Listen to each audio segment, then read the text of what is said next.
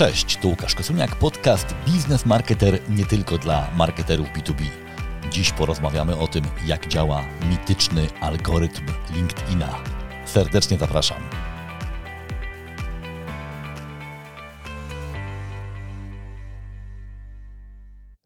Jedno z najczęściej zadawanych pytań, na jakie muszę odpowiadać podczas spotkań z klientami, to jest właśnie pytanie, jak działa ten algorytm. W domyśle, jak go obejść, jak go maksymalnie wykorzystać. Nieprzypadkowo działanie tego algorytmu jest tak jak receptura Coca-Coli okryta tajemnicą. No właśnie chodzi o to, żeby go nie hakować. I to jest właśnie zawsze taki wyścig trochę między LinkedInem, wielkim portalem społecznościowym i twórcami, którzy próbują uzyskać jak największe zasięgi, jak największe zaangażowanie, jak najniższym wysiłkiem. I oczywiście nie ma w tym nic złego, żebyśmy optymalizowali swoje działania, ale myślę, że warto się zastanowić nad tym, czy na pewno próba y, takiego eksploatowania tego algorytmu to jest dobry pomysł. I właśnie o tym dziś będziemy rozmawiać. Bo jeżeli będziemy szukać źródeł tego, jak działa algorytm LinkedIna, to w zasadzie są dwa rodzaje takich źródeł. Y, pierwsze, oficjalne, czyli y, blog LinkedIna, LinkedIn Blog. Y, jest też drugi taki bardziej techniczny LinkedIn Engineering Blog. I są też wypowiedzi czy komentarze ludzi, którzy pracują dla LinkedIna. Na przykład takim bardzo prominentnym badaczem, badaczką jest pani Bonnie Barile, mam nadzieję, że poprawnie czytam, y, nazwisko znajdziecie też w opisie, która jest data scientist w, y, na LinkedIn. Tylko, że jej publikacje są dosyć y, jednak zaawansowane. Jest potrzebny pewien aparat poznawczy, żeby je dobrze zrozumieć, a szczególnie wprowadzić w życie.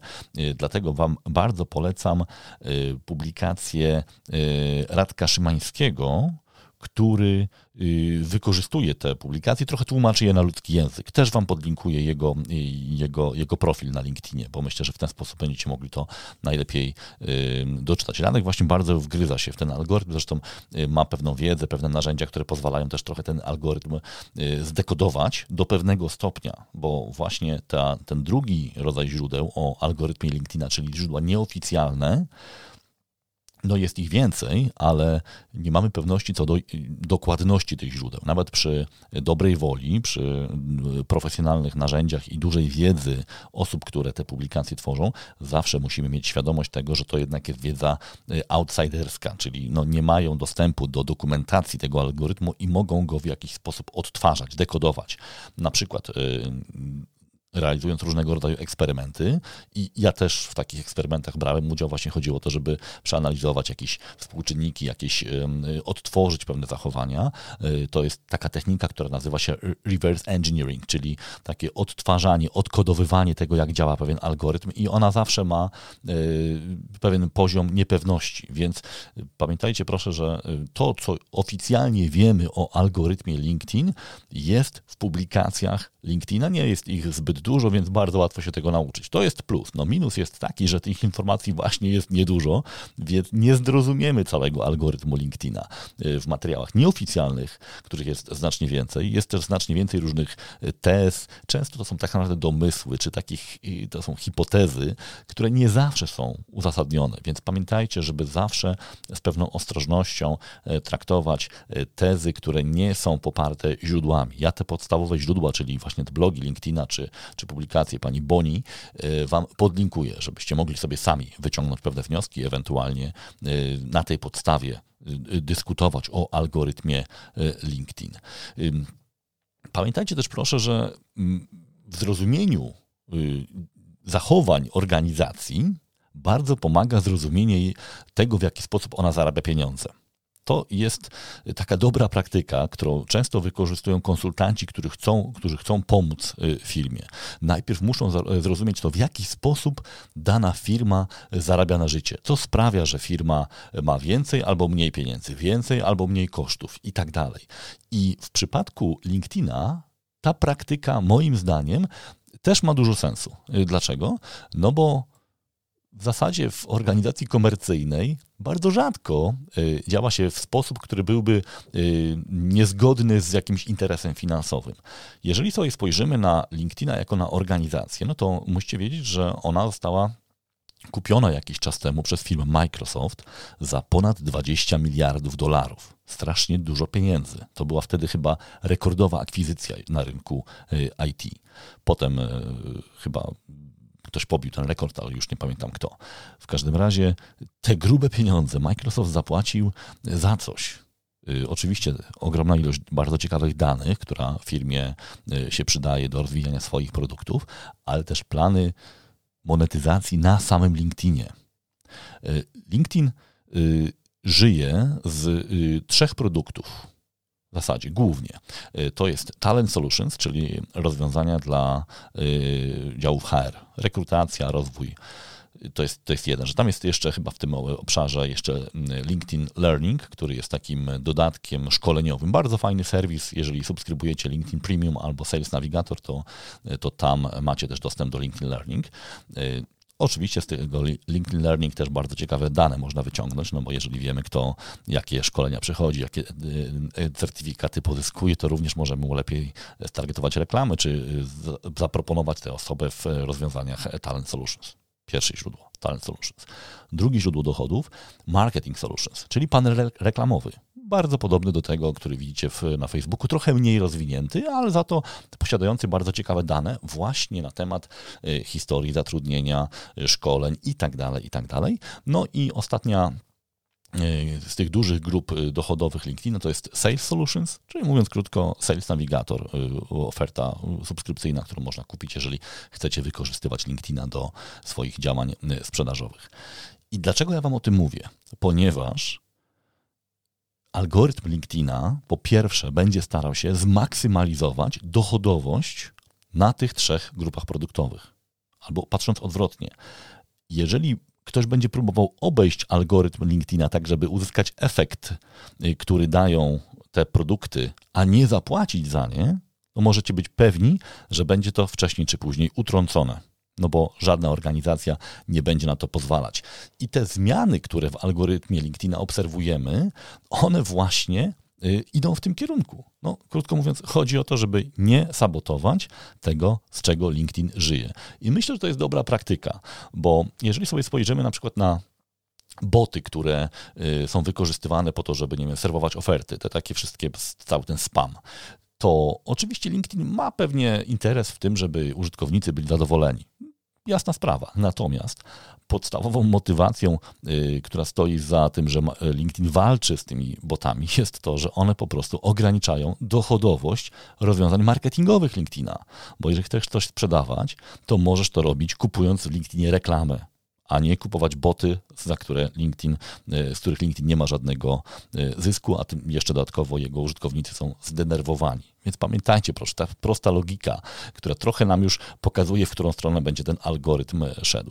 Z drugiej strony, LinkedIn oczywiście z powodów właśnie dochodowości będzie zainteresowany budowaniem bazy użytkowników, jasna sprawa, czyli pozyskiwaniem nowych osób, utrzymywaniem istniejących, y, generowaniem zaangażowania, czyli wszelkiego rodzaju reakcji typu y, polubienia, y, przesłania dalej, komentarze, nawet ten czas przebywania, czas konsumpcji treści. Jeżeli on jest duży przy naszym poście, to też to jest dobre dla LinkedIna.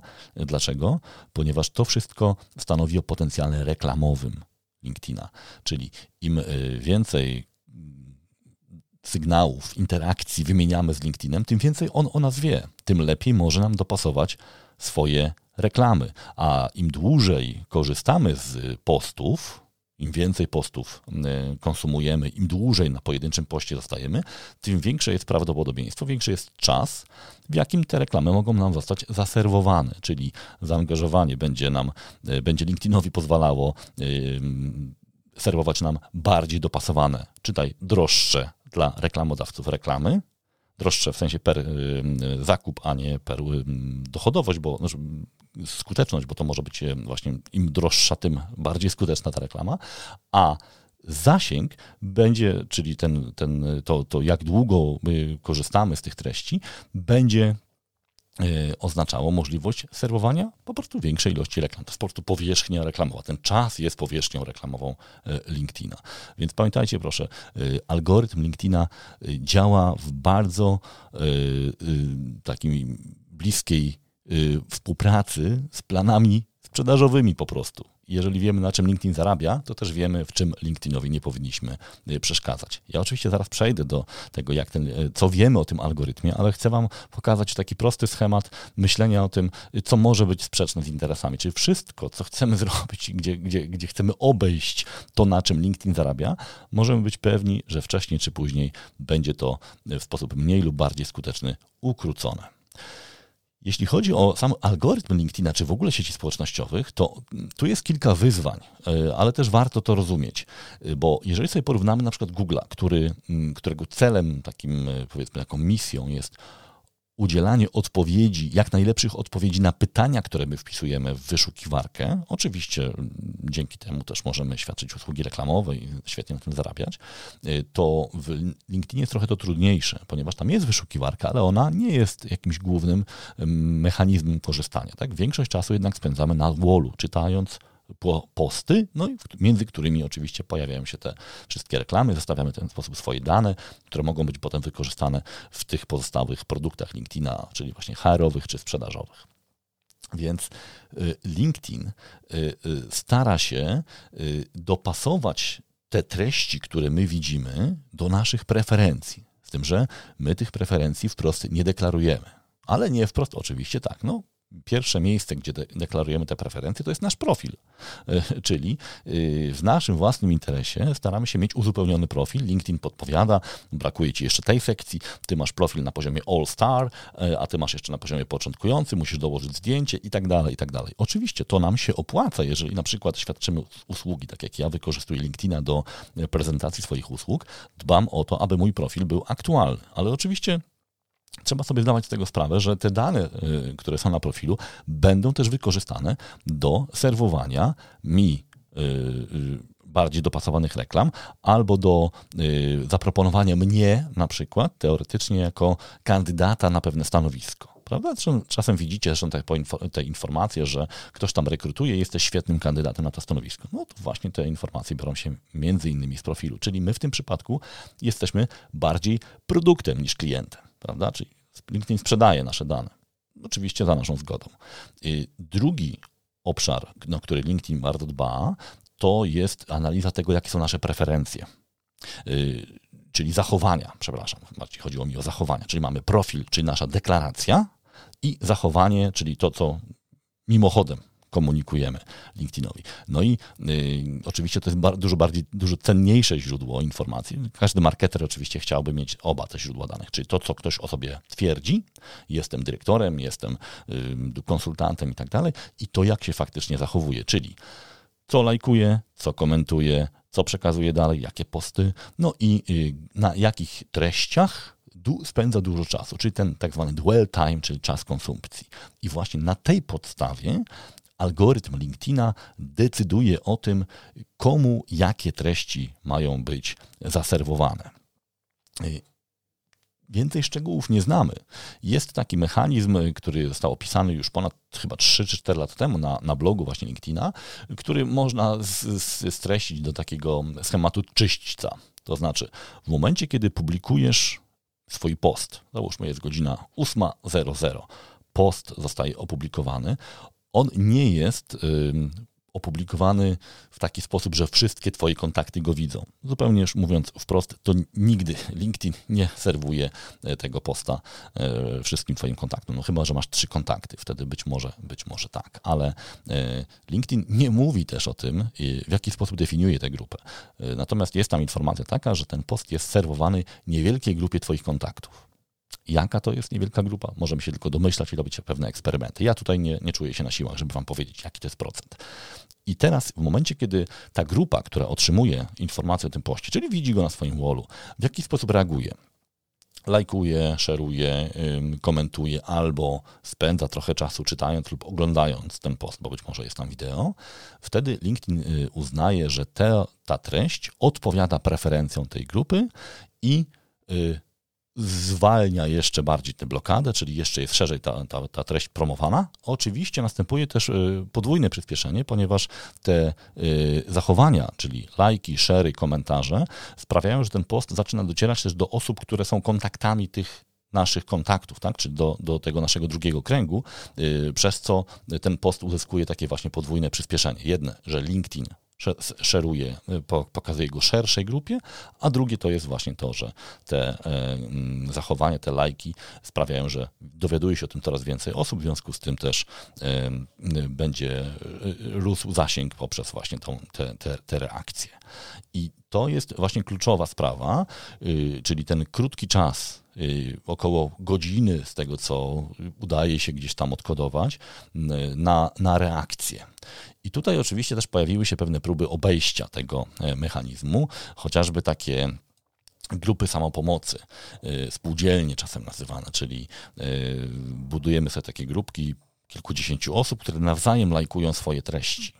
I teraz, jeżeli, o ile to są osoby, które gdzieś tam w jakiejś jednej branży funkcjonują i te treści są, albo przynajmniej mogą być dla nich interesujące, no to to taka sytuacja będzie trochę trudna do wychwycenia przez algorytm LinkedIna, no bo skoro to jest osoba, która jest w mojej branży i zobaczyła post z mojej branży i go polubiła, no to nie ma w tym nic dziwnego. Natomiast no oczywiście te te spółdzielnie, które często funkcjonują na LinkedInie, funkcjonują w taki sposób zupełnie oportunistyczny, to znaczy po prostu jedynym powodem uczestnictwa w takiej grupie jest to, że moje posty też będą lajkowane, więc robimy to w sposób y, automatyczny, nie analizujemy jakości tych postów, y, co LinkedIn już na swoim blogu opisał jako nadużycie i zapowiedział, że będzie to y, tępione w taki sposób, że te posty będą, będą ich zasięg będzie zmniejszany, jeżeli będzie taka praktyka wykryta.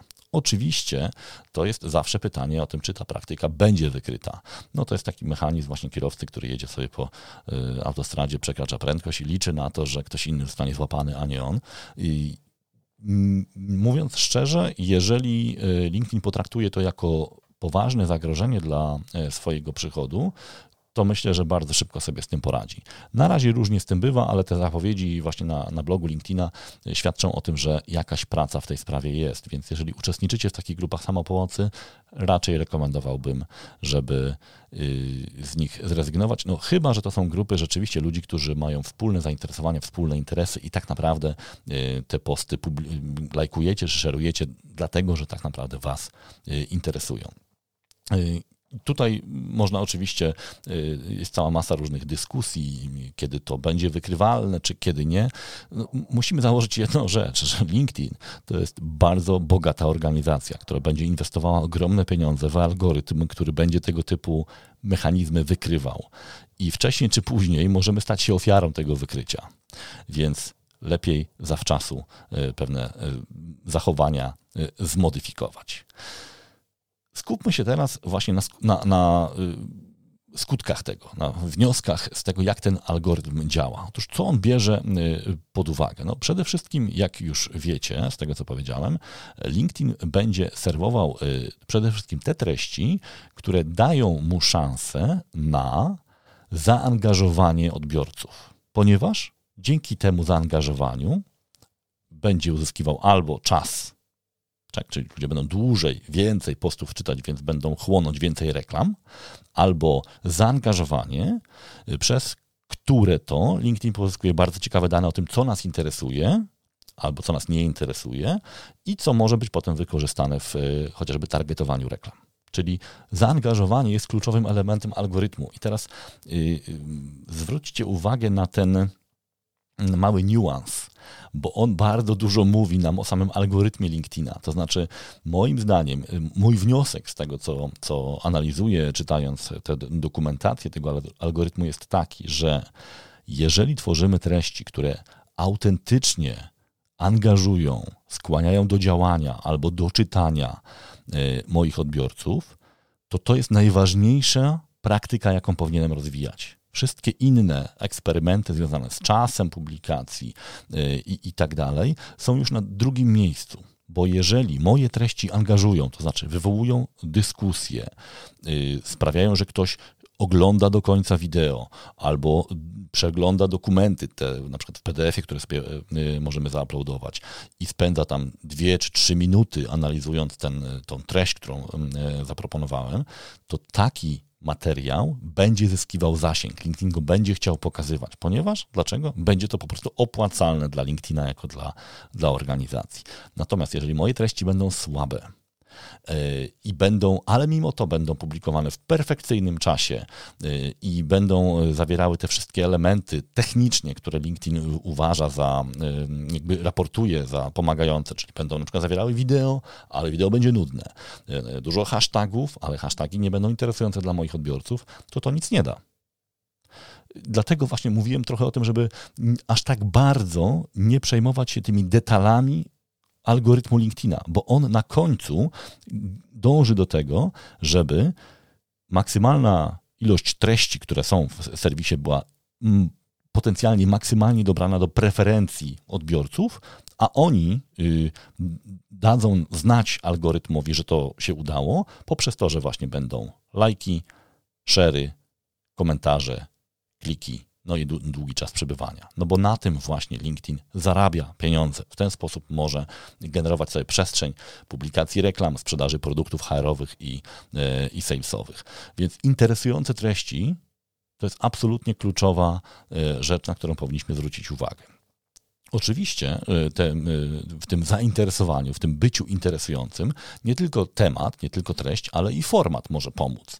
I tu warto też y, nie iść takim trybem wideo jest najlepsze, tylko e, eksperymentować, sprawdzić, czy nasza grupa odbiorców faktycznie dobrze reaguje na, na wideo.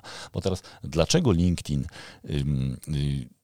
algorytm LinkedIna lubi wideo? No dlatego właśnie, że wideo gwarantuje duży czas, długi czas przebywania, czyli jeżeli wideo trwa minutę, to wiele osób do tej, przez tą minutę będzie na, ten, na tego posta patrzy, patrzyło, a obok gdzieś tam będzie się wyświetlała reklama.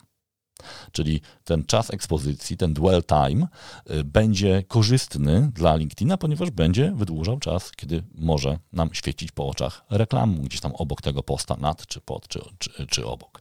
Y, zresztą podobną funkcję spełnia też ten format dokumentu czyli ten format takiej karuzeli, gdzie możemy sobie przesuwać te przykład slajdy. Ja dosyć często, na promując wydarzenia, właśnie wykorzystuję ten format dokumentu, bo mogę przede wszystkim przekazać trochę więcej informacji o samym wydarzeniu, ale też zainteresować właśnie odbiorców. I to się świetnie sprawdza, ale właśnie dlaczego to się świetnie sprawdza? Bo to gwarantuje ten długi dwell time, czyli ten czas konsumpcji. On jest po prostu wydłużony versus na przykład krótka, krótka informacja typu zapraszam na webinar o marketing automation i tu link. Prawda? To takie, konsumpcja takiego posta będzie trwała kilkanaście sekund, kilka sekund versus na przykład dwie czy trzy minuty y, przeglądania dokumentu w formie tego właśnie slajd, tych, tych slajdów, czyli dokumentu PDF. Oczywiście znowu, jeżeli ten slajd będzie nudny, jeżeli on nie będzie dobrze dobrany do potrzeb mojej grupy docelowej, to nic nie da.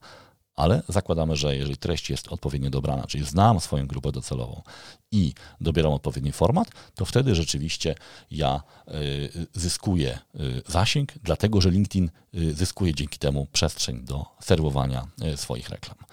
Kolejny element to jest zachęcanie do interakcji, ale znowu bardzo uważajcie, żeby to nie było wymuszanie interakcji, bo już w jednym z ostatnich właśnie artykułów na blogu LinkedIna jest taka informacja, że tak zwane żebrolajki będą y, blokowane. Znowu pytanie, y, czy LinkedIn będzie dokładny w tym y, szukaniu tych informacji. Oni to wytłumaczyli w ten sposób, że komentarze czy wiadomości, których jedynym celem będzie zachęcenie do polubienia jakiejś publikacji, będą wychwytywane.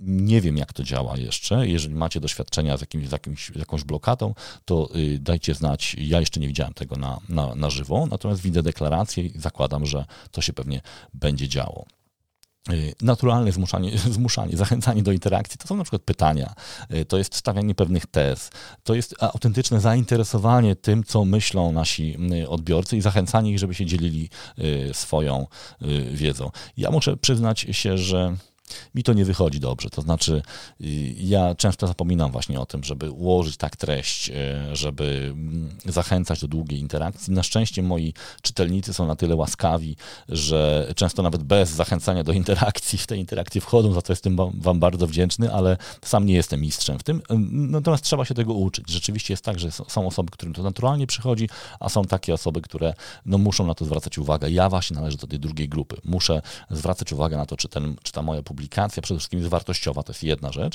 I z tym mam wrażenie, że nie jest tak źle u mnie, ale to ten potencjał angażowania nie jest, nie jest najlepszy. I także te moje wyniki raczej są mimo tych y, moich braków w tym obszarze niż dzięki tym brakom. To są osoby, które świetnie sobie z tym radzą y, i, i, i tych interakcji jest bardzo dużo. Natomiast pamiętajcie proszę, że y, jest pewna granica. To znaczy, oczywiście my wiemy o tym, że bardzo angażują treści emocjonalne, storytelling i tak dalej. I świetnie, że ktoś to umie robić zazdraszczam i, i, warto się od tych osób uczyć, ale e, są też osoby, które próbują już przesadzić, czyli umieszczają treści zbyt drastyczne, zbyt y, prowokacyjne, zbyt y, dzielące. I LinkedIn e, też poinformował o tym, że będzie y, blokować posty o wymiarze czysto politycznym na przykład. Więc znowu nie wiem, jak sobie z tym poradzą, bo często to jest tak, że ten post jest gdzieś tam na granicy biznesu i polityki. Mm, zobaczymy. Natomiast rzeczywiście oni też zauważyli ten problem, że wielu twórców stara się zbyt angażować i wtedy te posty przybierają formę chociażby agresywnych wypowiedzi, co oczywiście też jest angażujące, bo jeżeli ktoś mnie obraża, to pewnie mu odpowiem i się zdenerwuję i wszyscy inni też się zdenerwują i tak dalej, i tak dalej, no ale nie chcemy, żeby LinkedIn tak wyglądał. LinkedIn też nie chce, żeby to, to środowisko tak wyglądało, więc będzie to, y, to blokować. Ja muszę Wam powiedzieć, że sam byłem częścią takiego właśnie procesu blokowania, na szczęście nie jako twórca tych treści. Jakiś czas temu, to już było prawie rok temu, y, zauważyłem na LinkedInie, że jeden z moich kontaktów, y, mimo że nie, nie, nie, nie oznaczył mnie, to w taki generyczny sposób y, wspomniał o mnie, pisząc, że jeden z takich guru LinkedIna, nawet autor książki, więc wtedy byłem jedynym autorem książki na, na temat social sellingu, więc zrozumiałem, że chodzi o mnie, nie raczył odpowiedzieć na, na pytanie tej osoby. To była, no, to, to była taki, taki, po, taka publikacja w formie no, takiego y, żalu, na, narzekania na to, że zresztą y, można powiedzieć uzasadnionego, no skoro ignoruje osoby, które do mnie piszą, no to, to, to, to był powód, żeby ponarzekać na to. Ja, y, mówię, mówiąc szczerze, przejąłem się tym, zacząłem szukać tej informacji o tej wiadomości. W, na liście moich wiadomości jej nie znalazłem tej wiadomości. Więc wszedłem na profil tej osoby, ponieważ byliśmy w pierwszej grupie kontaktów i tam na profilu tej osoby zauważyłem właśnie, że jest wiadomość do mnie wysłana, ale niedostarczona, ponieważ była oznaczona w ten sposób, że zawiera y, harmful content. Treść, która może być dla mnie yy, bolesna można tak powiedzieć. Y, ale ponieważ byłem zdesperowany, żeby się y, zorientować o co chodzi, to kliknąłem w tą wiadomość. I co się okazało? Otóż ten pan napisał y, bardzo proste zapytanie, w zasadzie o, o ofertę, i użył takiego słowa, że chciałby rozhulać LinkedIna w swojej firmie czy rozhulać social selling. Natomiast ważne było to słowo rozhulać, którego algorytmy LinkedIna nie zrozumiały i oznaczyły właśnie jako y, prawdopodobnie wulgaryzm. W związku z tym ja się nie dowiedziałem o tej y, wiadomości wprost, no musiałem szukać. Więc jak widzicie, ten poziom y, agresywności tego algorytmu rośnie, no czasem inteligencja tego algorytmu za nim nie nadąża ale to się pewnie będzie zmieniało, no bo przecież te algorytmy też się uczą, to są mechanizmy uczenia maszynowego, więc one będą coraz bardziej inteligentne. Mm, I to też pokazuje mi, że to już się dzieje, że to nie są deklaracje czcze LinkedIna, ale że rzeczywiście ta platforma zaczyna dbać chociażby o język, którego y, używamy. Więc to też, na to też zwróćcie uwagę, bo y, warto oczywiście podejmować pewne eksperymenty. Na przykład, jeżeli już w miarę dobrze radzicie sobie z y, tym rozpoznaniem potrzeb informacyjnych. Widać, że rzeczywiście ludzie klikają, y, udostępniają te treści i tak dalej, są ciekawe komentarze. Można, ja do tego też zachęcam, przejść do takich eksperymentów na przykład związanych z czasem, y, z dniem i godziną publikacji, jeżeli ktoś nie publikuje codziennie, bo tylko w ten sposób można sprawdzić, jaka godzina jest optymalna dla mojej grupy. Oczywiście, jeżeli mamy bardzo szeroką i niejednolitą grupę, to pewnie z takiego eksperymentu nic nie wyjdzie, bo, bo ci ludzie będą klikali w każdej godzinie, czy, czy przeglądali te treści o każdej godzinie, ale w, jeżeli mamy w miarę spójną grupę, to często jest na przykład tak, że y, te treści są konsumowane przykład rano. I to też zazwyczaj wychodzi z takich ogólnych analiz, że ta, te, te, publikacje na przykład o godzinie nie wiem, 7.30 do 9.30 mają dosyć dużo, duże zasięgi, no bo wtedy jesteśmy w, jedziemy w drodze, jesteśmy w drodze do pracy, przeglądamy sobie gdzieś tam w, przy, przy okazji te treści. Zresztą takie dane też dostarczają firmy, które świadczą y, te usługi y, wsparcia publikacji, czyli kalendarze publikacji.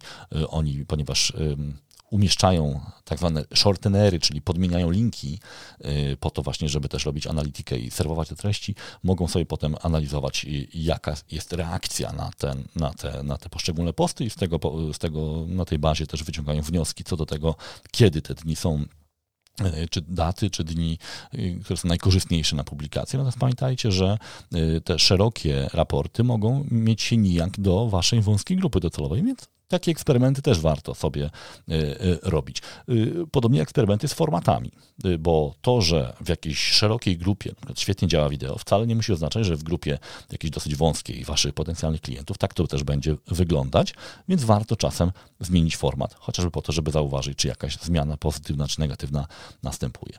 Eksperymenty związane ze stylem komunikacji, no to jest już troszeczkę taka wyższa, wyższy poziom, ale też warto czasem sprawdzić, czy na przykład fajnie fajny, luźny post e, e, opublikowany w weekend nie przysporzy nam fajnego zasięgu, jakichś ciekawych, być może mało merytorycznych, ale za to takich przyjemnych dyskusji. Warto to sprawdzić. Oczywiście trzeba bardzo uważać właśnie, żeby ta e, nieformalna komunikacja nie poszła właśnie w stronę takiego no, słów potocznych, które mogą być źle zrozumiane przez algorytm LinkedIna. Więc raczej zachęcam do stosowania pięknego literackiego języka, no bo nawet z tego powodu, y, y, że to ryzyko y, zablokowania jest mniejsze, a po drugie po prostu przyjemniej się czyta poprawną polszczyznę, którą niestety też mi się zdarza nieintencjonalnie, ale jednak czasami y, kaleczyć. Więc y, te eksperymenty z czasem publikacji, formatem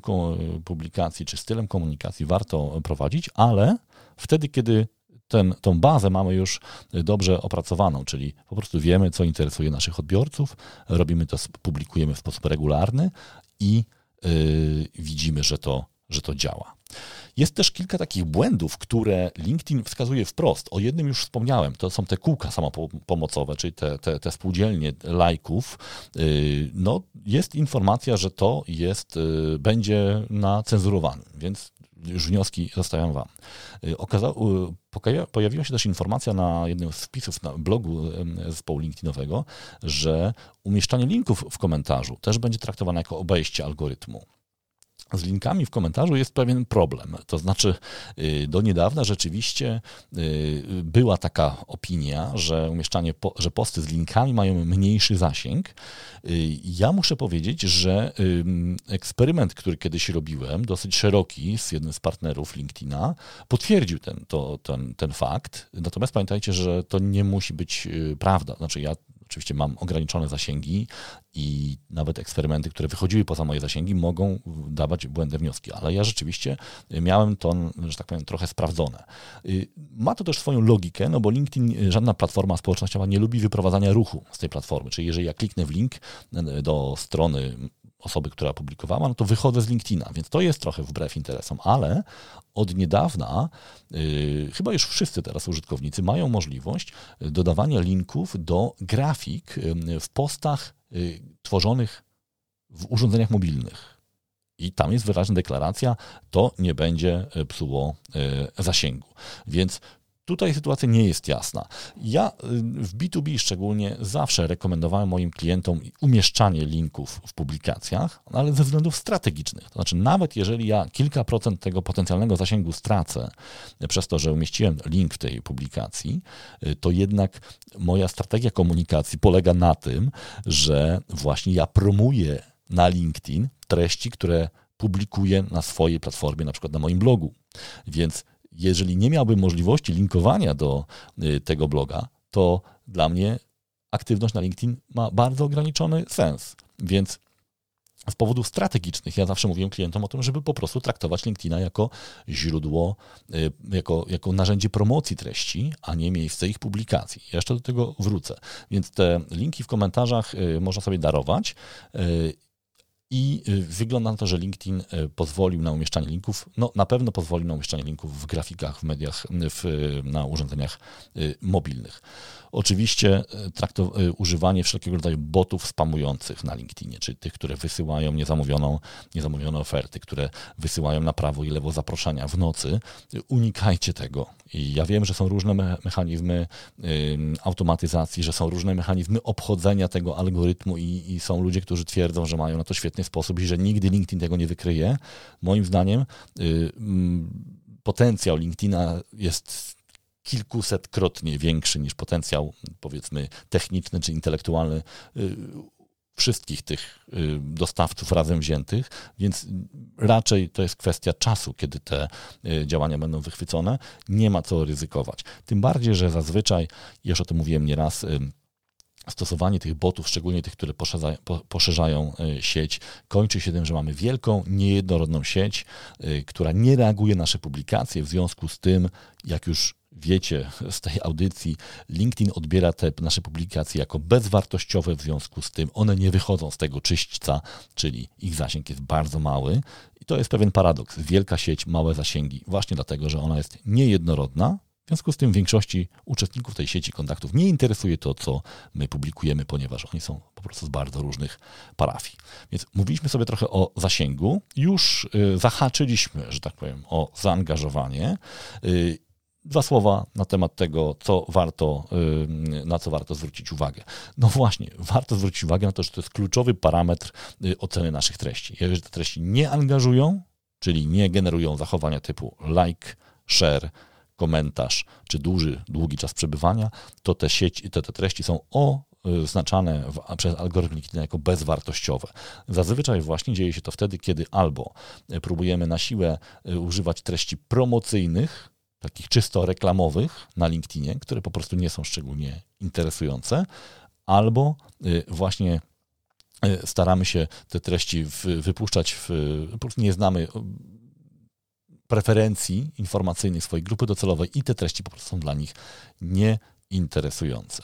Więc bazą algorytmu LinkedIn jest po prostu angażowanie treści, angażowanie tych naszych publikacji, y, co ma bardzo silny związek z jakością treści. Ale pamiętajcie, jakość treści jest oceniana jako przydatność to czy nasza sieć reaguje na te treści, czy dobrze ocenia ich y, wartość. To nie muszą być treści wymuskane. Zresztą y, ja wielokrotnie ostrzegam moich klientów, szczególnie tych z dużych firm, gdzie są działy graficzne albo agencje, które dla nich pracują, y, żeby te posty, które przygotowują chociażby jako takie szablony do wielokrotnego wykorzystania dla swoich handlowców, nie były zbyt wymuskane, bo one są po prostu nieautentyczne dużo lepiej często działają zdjęcia niezbyt dobrze skadrowane, zrobione własnoręcznie, niż świetnie zaprojektowana grafika y, właśnie pięknie skomponowana i tak dalej, bo widać jest na odległość, że to jest po prostu reklama. Mimo, że być może to fizycznie nie być reklama, to jednak ona jest tak sformatowana, że my już, już wiemy, że to musiał jakiś grafik nad tym posiedzieć. Wiemy, czujemy to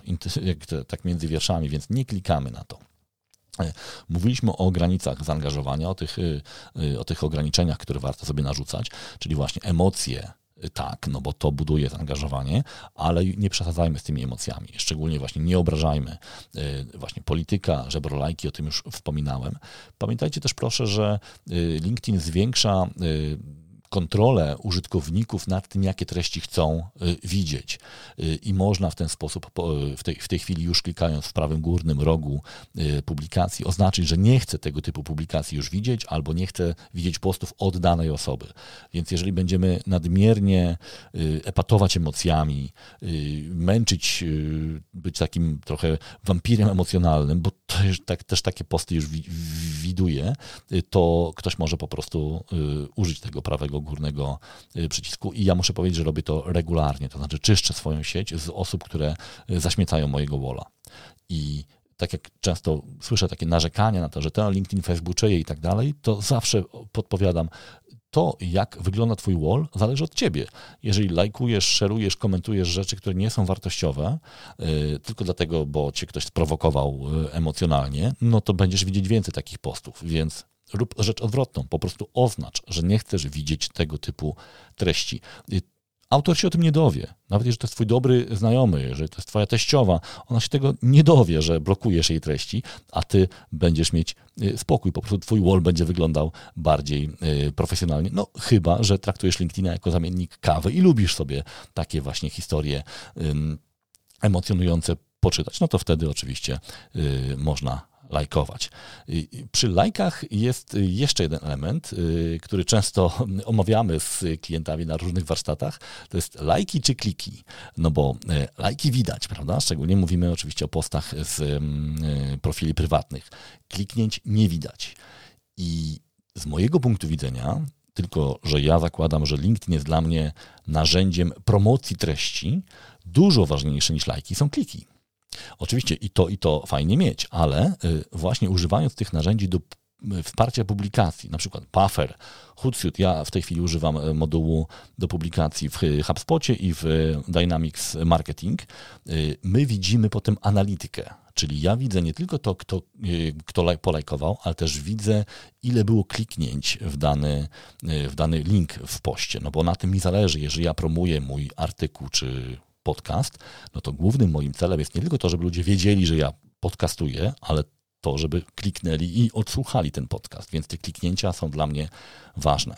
Więc jeżeli chcecie mieć taką analitykę, to LinkedIn tego nie daje za darmo, y, tylko właśnie trzeba sobie kupić narzędzie do właśnie zarządzania publikacjami. Ja y, bardzo polecam, bo to rzeczywiście zmniejsza obciążenie czasowe, zwiększa y, taką spójność tych publikacji, no i daje nam takie, możliwość na przykład wybrania sobie takiego momentu, nie wiem, w środę o, o 15.30, kiedy ja sobie planuję wszystkie posty na następny tydzień. I dzięki temu y, łatwiej jest mi utrzymać pewną regularność, ja to bardzo sobie cenię. To ma pewne ograniczenia, na przykład pewnych formatów y, nie można zastosować w takim planerze. Na przykład nie mogę zastosować formatu z dokumentami albo formatu z wideo, chociaż to się podobno ma zmienić niedługo i niektórzy już deklarują, że to, że to potrafią. Y, więc jeżeli to są takie posty proste typu Y, treść i grafika, to jak najbardziej możecie to, możecie to y, y, wykorzystać. Więc jeśli chodzi o zaangażowanie, to warto jest pilnować się takich dosyć prostych praktyk, czyli czytelna i wartościowa treść. Czytelność chociażby w, poprzez użycie pewnych akapitów, czasem emoji. Ja nie jestem zwolennikiem, że tak powiem, zaśmiecania posta emoji, ale jakieś takie że tak powiem, znaki, które wskazują na to, że jakiś element jest ważny, one się przydają, często budują taką właśnie y, czytelność. Właśnie y, dobranie odpowiedniego formatu, czyli y, te, tych formatów, które ułatwiają, generują takie zaangażowanie. Dobra wizualizacja, grafika, wideo, dokument. No oczywiście storytelling, zwięzłe, zwięzłe takie interesujące historie, czyli coś, co wciąga nas, interesuje, jesteśmy ciekawi, co było dalej. Jeżeli ktoś to umie robić, to rzeczywiście to polecam. Ja też zauważyłem, że dosyć dobrze działa dzielenie się osobistą perspektywą. No bo wiecie, jeżeli ktoś obserwuje mnie jako y, osobę, y, twórcę treści na LinkedIn, to zazwyczaj zastanawia się, a co ty o tym myślisz? Publikujesz, lajkujesz, przesyłasz dalej, ale co ty o tym myślisz? Więc ja czasem dzielę się tą e, osobistą perspektywą i to też zauważyłem, że właśnie wyzwala e, taką chęć do interakcji, bo e, zazwyczaj, jeżeli to jest taka oficjalna informacja typu Gartner powiedział, że coś tam, no to ciężko nam z tym dyskutować. Natomiast jeżeli ja mówię, że uważam, że coś tam, no to już wiele osób mówi, a ja uważam inaczej, a ja myślę inaczej i to jest właśnie bardzo cenne z punktu widzenia budowania tego zaangażowania. No właśnie odwoływanie się do emocji y, z pewną dozą ostrożności, jednak żebyśmy nie przesadzili, nie byli takim wampirem emocjonalnym, który denerwuje wszystkich z rana albo zmusza ich do płaczu. Y, myślę, że nie każdy chce takie posty czytać. Ja na przykład unikam tego typu właśnie agresywnych, takich y, emocjonalnych y, publikacji. Humor, jeżeli y, nikogo nie obraża, jeżeli to jest coś lekkiego, zawsze miło, natomiast ja zauważyłem, że bardzo trudno jest to taki, taki, takie dobre poczucie humoru. To rzeczywiście wymaga już sporej wprawy i po prostu dobrego poczucia humoru. Zauważyłem, że wszelkiego rodzaju dylematy czy kontrasty, porównania HubSpot czy Pardot, jakieś dylemat właśnie, który, którym się dzielimy, y, wywołuje taką chęć podpowiedzi, wybrania jednej z dwóch opcji. Więc jeżeli macie tego typu moż możliwość te, y, konstruowania postów w ten sposób, to zazwyczaj to pomaga w budowaniu tego zaangażowania. Moi drodzy, na koniec, bo już zbliżamy się do końca tego odcinka, jest jeszcze jedno ostrzeżenie, które zawsze umieszczam w publikacjach czy podcastach na temat sieci społecznościowych, a mianowicie budowanie domu na cudzej ziemi. Pamiętajcie proszę, że sieci społecznościowe to są zewnętrzne platformy. Y, zazwyczaj, jeżeli jesteśmy tam darmowymi użytkownikami, nie mamy żadnych praw. Taka jest twarda rzeczywistość. W każdej chwili sieć społecznościowa może zmienić reguły. I ja do tej pory opowiadałem często o tym, jak to Facebook zmienił reguły zasięgu organicznego postów. Kilka ładnych lat temu, czego doświadczyłem w Samsungu. Y, teraz y, mamy dużo ciekawszy przykład, dużo bardziej kwiożerczy. Zmiana reguł Twittera, wprowadzenie darmowej weryfikacji często fejkowych profili, nie darmowej, tylko płatnej weryfikacji właśnie tych y, fejkowych profili. No i zaczęło się od takich śmiesznych pomysłów, jak to dwóch papieży się ze sobą kłóci, z czego jeden nieżyjący, a skończyło się na bardzo nieprzyjemnie. Zresztą myślę, że nie skończyło się, tylko to jest dalszy dalszy etap, kiedy fejkowa informacja o tym, że jeden z producentów insuliny będzie ją rozdawał za darmo, sprawiła, że wartość, y, wycena giełdowa tej firmy spadła o 20 miliardów dolarów. Y, czy ta firma ma prawo y, czegoś się domagać od Elona Muska, bo to chodzi o Twittera? Moim zdaniem bardzo trudno będzie to udowodnić. Elon miał prawo wprowadzić taką usługę, a że ktoś jej nadużył, to już chyba nie jego wina. Tak mi się przynajmniej wydaje. Więc my musimy pamiętać o tym, że e, reguły w platformach społecznościowych są dopasowane do interesu ekonomicznego ich właścicieli, a nie nas. My tam jesteśmy tymi, którzy mają konsumować reklamy albo dawać swoje dane do tych reklam.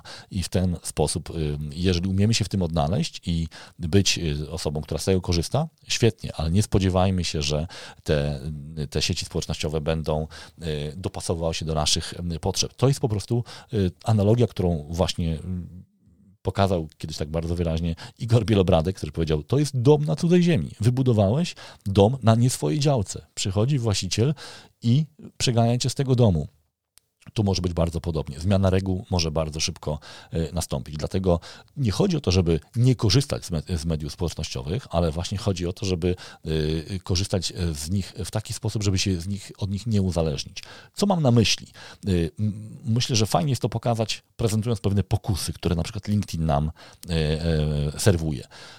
Od niedawna jest możliwość prowadzenia newslettera na LinkedInie, prawda? Darmowego, fajnie zaprojektowany, bardzo prosty w obsłudze. Możemy publikować artykuły już nie tylko na stronach, na naszych profilach prywatnych, ale też na profilach firmowych.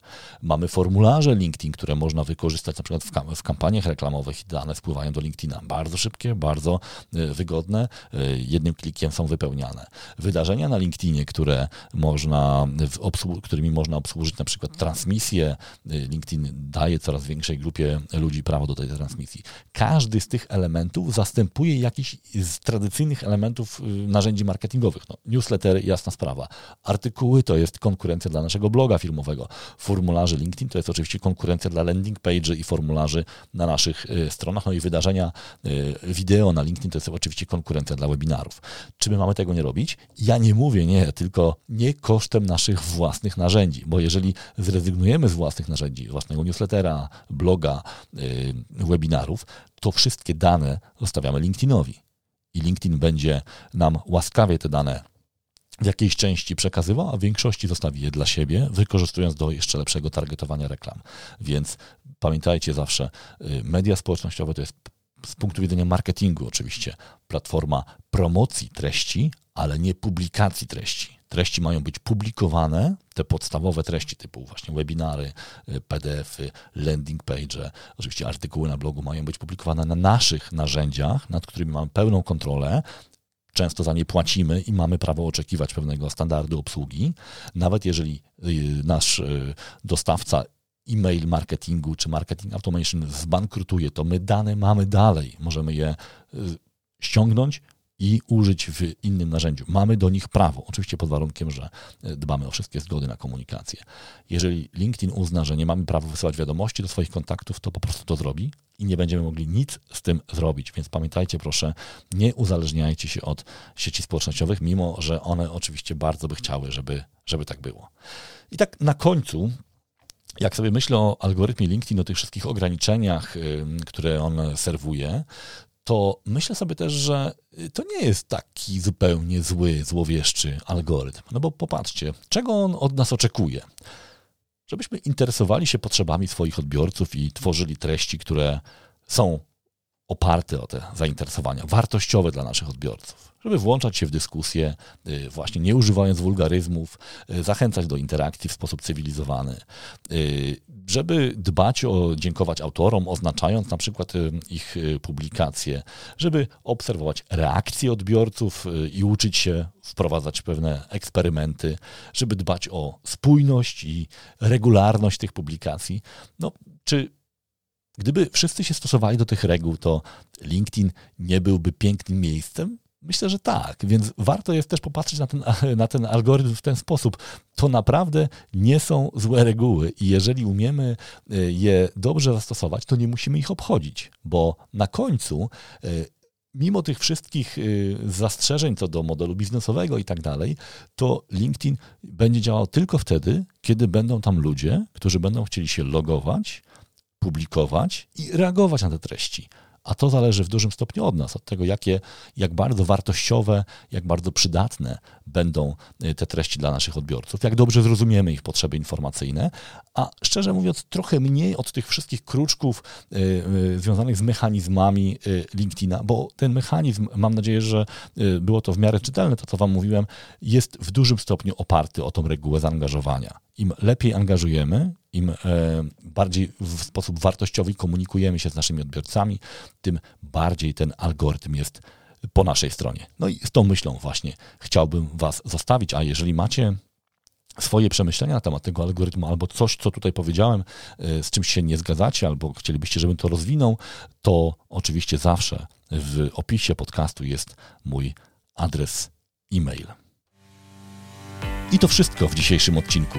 Tradycyjnie, jeżeli było ok, to poproszę o y, gwiazdkę albo komentarz w aplikacji podcastowej, albo po prostu podziel się tym odcinkiem w swojej ulubionej sieci społecznościowej. A ja już dziś zapraszam Cię na kolejne odcinki podcastu Biznes Marketer.